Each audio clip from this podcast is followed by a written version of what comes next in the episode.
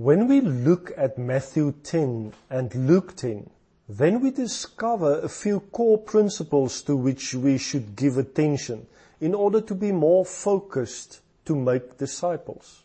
To make the following part of and to practice it daily in your life will create a disciple making lifestyle.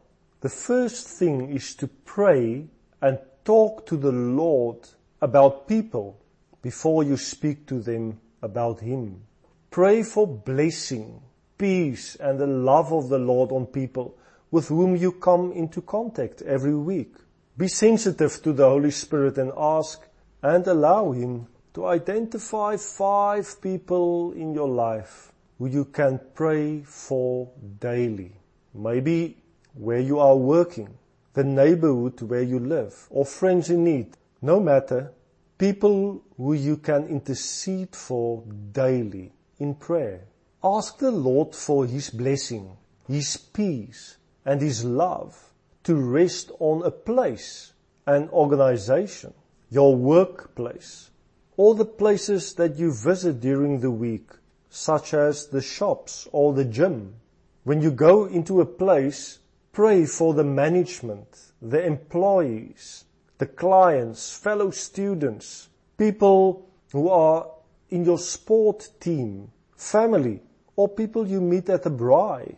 When you are standing in a queue at a bank or post office, you can use that time by praying that the Lord will bless the people around you. When you are driving, instead of getting angry with the other drivers on the road, rather pray His blessing on the people you see or businesses you drive past. These are normally inner, unspoken prayers with eyes open, as you may be with other people.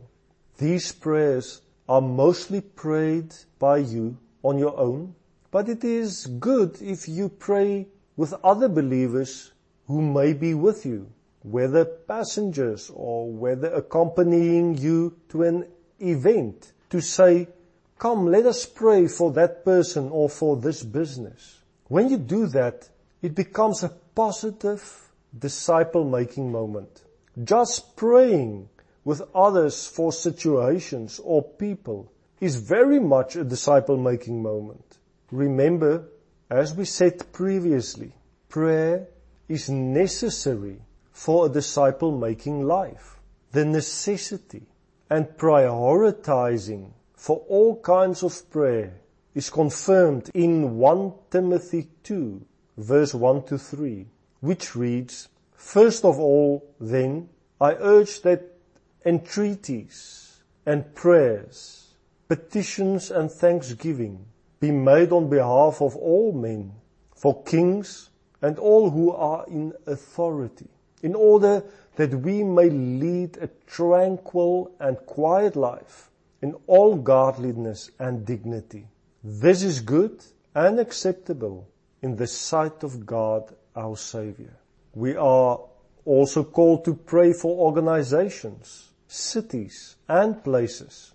Look at Jeremiah 29 verse 7 and seek the welfare of the city where I have sent you into exile and pray to the Lord on its behalf for in its welfare you will have welfare.